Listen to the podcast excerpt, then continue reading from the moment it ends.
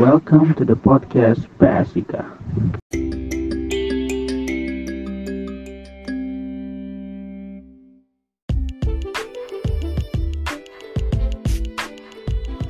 Halo semua, balik lagi di podcast HM PSK Episode ke-7 Nah, balik lagi nih bersama gue Rahman Ansari Tama atau biasa dikenal sebagai Hadi Yang memandu podcast kali ini Dan semoga kalian sehat-sehat aja ya Ya gak sih? Yang gue tahu nih uh, Di antara kalian semua pasti sedang menjalankan yang namanya praktek klinik atau PKL di rumah sakit masing-masing yang mana gue berdoa untuk kalian semoga praktek kliniknya lancar semoga mendapatkan hasil yang terbaik semoga dibawa enjoy aja praktek kliniknya dan juga kayak uh, semoga disukseskan untuk ke depannya pas responsinya.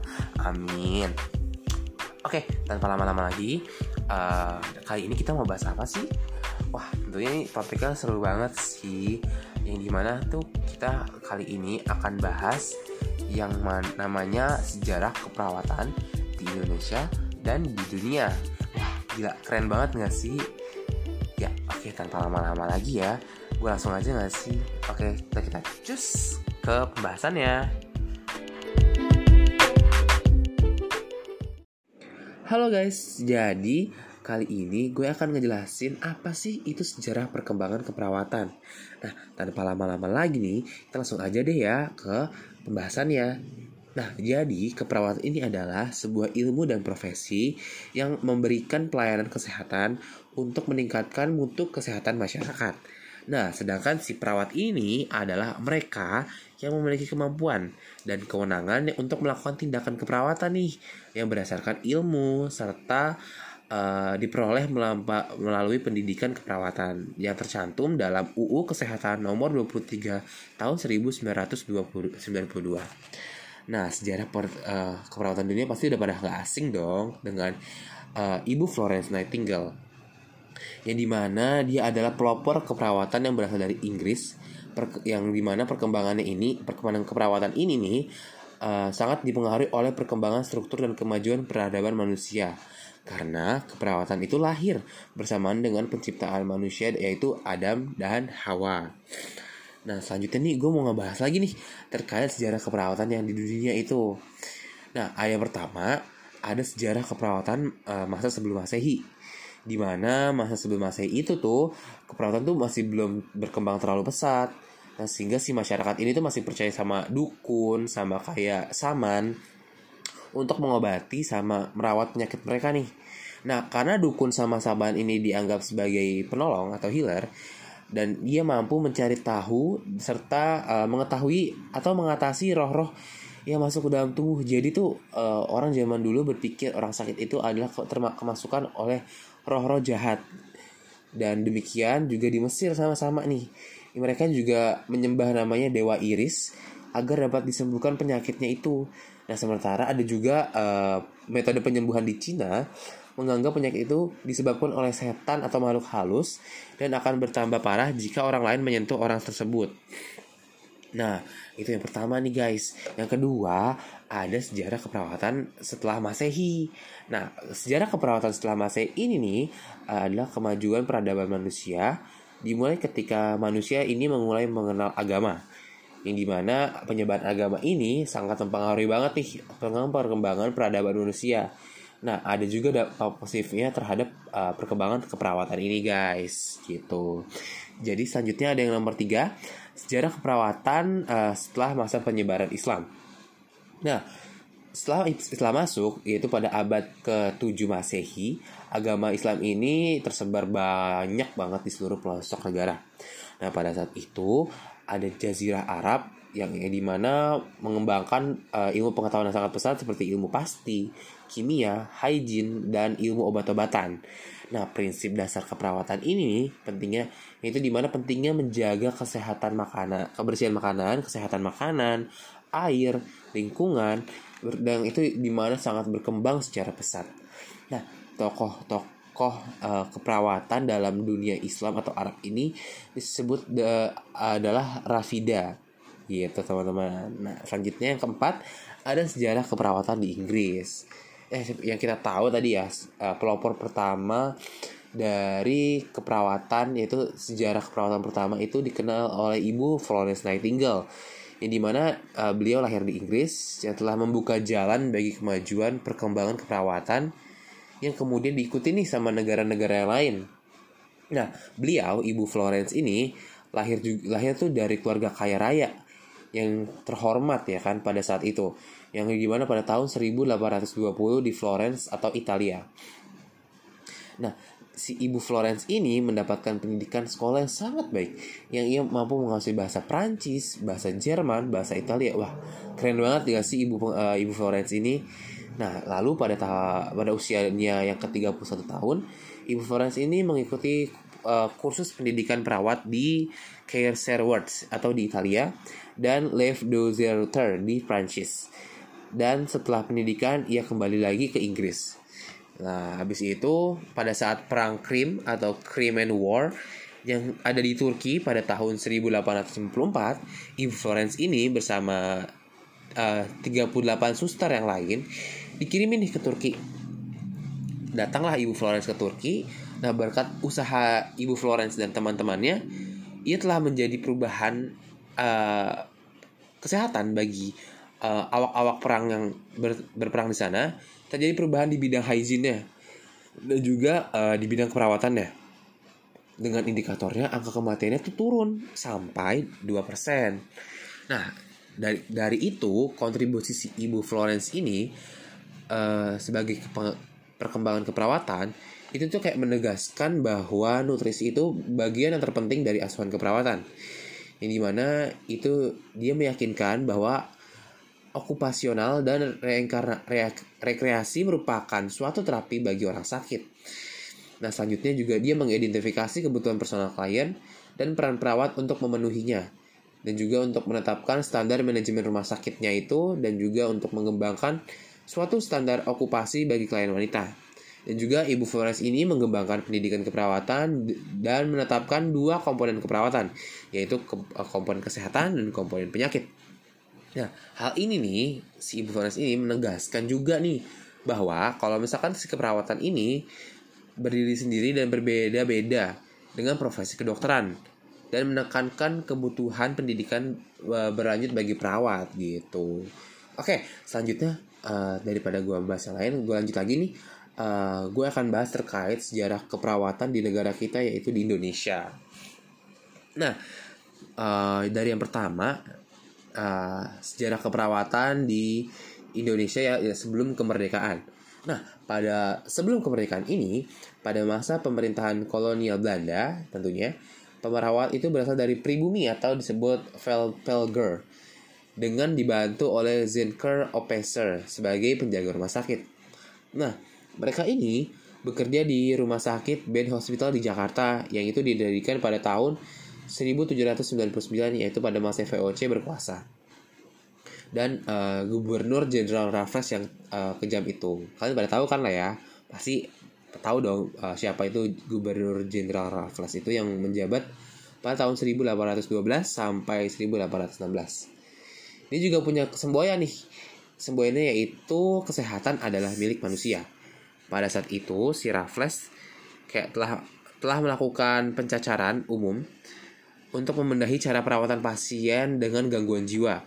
Karena kan tahu sendiri lah ya perang uh, dengan pribumi tentunya dan juga dengan eh, pihak-pihak luar dari pribumi kayak misalkan contoh Inggris itu pasti memiliki gangguan jiwa. Serta um, dia juga memperhatikan kesehatan dan perawatan tahanannya si Raffles ini. Nah, setelah itu si uh, pemerintah kolonial Belanda uh, kembali ke tangan Belanda di Jakarta pada tahun 1819 Nah, didirikanlah beberapa rumah sakit. Contohnya, rumah sakit, rumah sakit Sat, Sats Verban yang berlokasi di Glodok, uh, Jakarta Barat pada tahun 1919. Rumah sakit Sakat uh, rumah sakit ini uh, dipindahkan ke Salemba dan sekarang menjadi rumah sakit RSCM atau rumah sakit Cipto Mangunkusumo. Udah pada tahu lah ya, rumah sakit tipe A yang sangat menampung banyak penyakit-penyakit kronis itu keren banget. Nah, yang kedua ada sejarah keperawatan setelah kemerdekaan. Itu sekitar uh, tahun 1945 sampai dengan 1950. Itu di mana Mas di mana-mana tuh kayak masa-masa transisi kita setelah Bung Karno mengucapkan janji proklamasinya pada seluruh rakyat bahwa kita telah melakukan kemerdekaan Indonesia. Nah, itu tuh pas transisi ini perkembangan perawatan tuh masih berjalan di tempat gitu. Terus uh, dapat dilihat karena dari perkembangan tenaga perawatan masih menggunakan sistem pendidikan yang telah ada yang yaitu menggunakan pendidikan Belanda atau mulo yaitu sekitar tiga, uh, kurang lebih tiga tahun pendidikan untuk ijazah A perawat umum. Nah kalau untuk ijazah B itu untuk perawatan jiwa. Nah selanjutnya itu ada terdapat pula pendidikan perawat dengan uh, dasar SR uh, plus 4 tahun pendidikan yang lulusannya disebut mantri juru rawat itu uh, sebutan perawat zaman dulu. Uh, baru kemudian pada tahun 1953 dibuka sekolah pengatur rawat dengan tujuan menghasilkan tenaga perawatan nih yang lebih berkualitas tentunya ya kan. Nah, pada tahun 1995 dibuka lagi nih sekolah juru kesehatan dengan pendidikan SR ditambahkan pendidikan satu tahun dan sekolah pengamat kesehatan sebagai pengembangan SDK. Habis itu ditambah lagi nih untuk meningkatkan mutu uh, pendidikan keperawatannya ini menjadi selama setahun pada tahun 1962 dibuka lagi namanya Akper Akademik Perawatan dengan pendidikan dasar umum SMA dan yang bertempat di Jakarta di Rumah Sakit Cipto Mangunkusumo atau sekarang bisa dikenal dengan Akper Depkes Jalan Kimia nomor 17 Jakarta Pusat. Nah, selanjutnya sejarah perkembangan yang ketiganya ini yang ketiga itu pada tahun 1985 yang di mana uh, resmi dibukanya pendidikan S1 keperawatan atau program studi ilmu keperawatan atau PSIK di Fakultas Kedokteran Universitas Indonesia di Jakarta. Nah, sejak saat ini, uh, setelah dibukanya program studi ilmu keperawatan di UI, uh, eh, menghasilkan tenaga keperawatan tingkat sarjana hingga pada tahun 1992. Lalu dikeluarkan juga nih undang-undang tentang keperawat kesehatan yaitu tentang UU nomor 23 tentang kesehatan yang mengakui bahwa tenaga keperawatan itu adalah sebagai profesi. Jadi kita uh, bukan dianggap sebagai pembantu dokter atau asisten dokter. Kita sudah dianggap sebagai profesi. Nah, pada tahun 1996 uh, dibukanya uh, eh, PSIK di Universitas Pajajaran di Bandung. Nah, pada tahun 1997 uh, keperawatan di UI itu berubah statusnya menjadi Fakultas Ilmu Keperawatan Universitas Indonesia dan untuk meningkatkan kualitas lulusan pada tahun 1998, kurikulum pendidikan nurse ini disahkan dan digunakan. Nah, selanjutnya itu pada tahun 1999 kurikulum D3 keperawatan itu mulai dibenah-benahi nih kayak dirapi-rapiin, ditata disusun-susun sesuai dengan uh, kompetisi yang ditargetkan.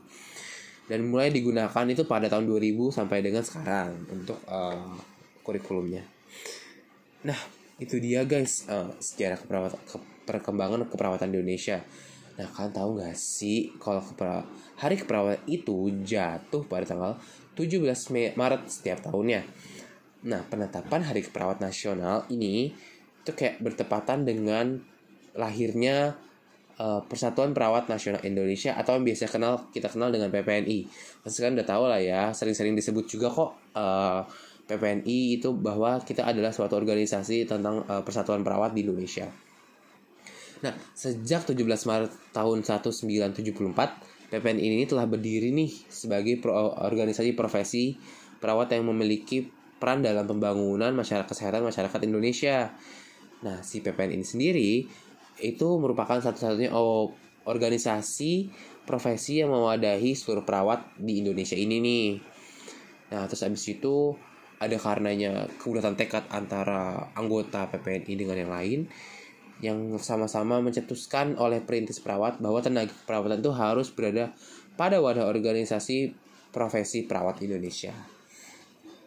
Nah, dan juga PPNI ini punya komitmen yang sangat luar biasa ya. Dia itu berkomitmen untuk memberikan perlindungan bagi masyarakat dan profesi keperawatan yang yang mana dia dengan menyusun RUU keperawatan yang saat ini terus diperjuangkan untuk disyahkan menjadi undang-undang.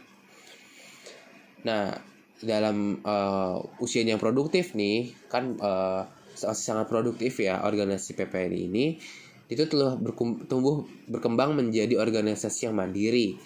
Ya kan guys? Terus habis itu PPNI juga saat ini berproses pada kematangan organisasi dan mempersiapkan anggotanya untuk berperan nyata nih kepada masyarakat. Ya masa nggak berperan nyata ya nggak sih? Dan yang di mana uh, dia itu memungkinkan untuk memperkecil kesenjangan sosial gitu dan juga dalam pelayanan kesehatan dia juga mempermudah uh, masyarakat dalam mendapatkan akses pelayanan kesehatan serta uh, mendapatkan kesamaan pelayanan yang berkualitas. Jadi tidak memandang gender, tidak memandang ekonomi, tidak memandang ras, tidak memandang suku, tidak memandang agama, semua sama rata.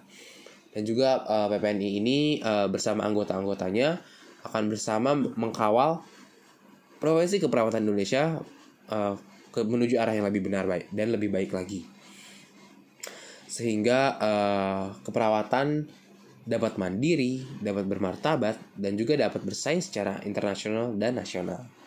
So guys, jadi itu aja sih sejarah perkembangan keperawatan baik di dunia dan juga di Indonesia. Jadi gimana untuk kalian terutama pada adik-adik kelas kita untuk kelas 12 gak boleh ragu-ragu lagi ya untuk memilih uh, profesi kita ini yaitu keperawatan. So, ada yang tertarik jadi perawat? Langsung cus aja gak sih daftar? Oke, okay, sekian dari podcast kali ini. Uh, mohon maaf jika saya sendiri jadi salah kata. Kurang lebih maaf. Wassalamualaikum warahmatullahi wabarakatuh. Sampai jumpa di podcast-podcast selanjutnya. Bye-bye.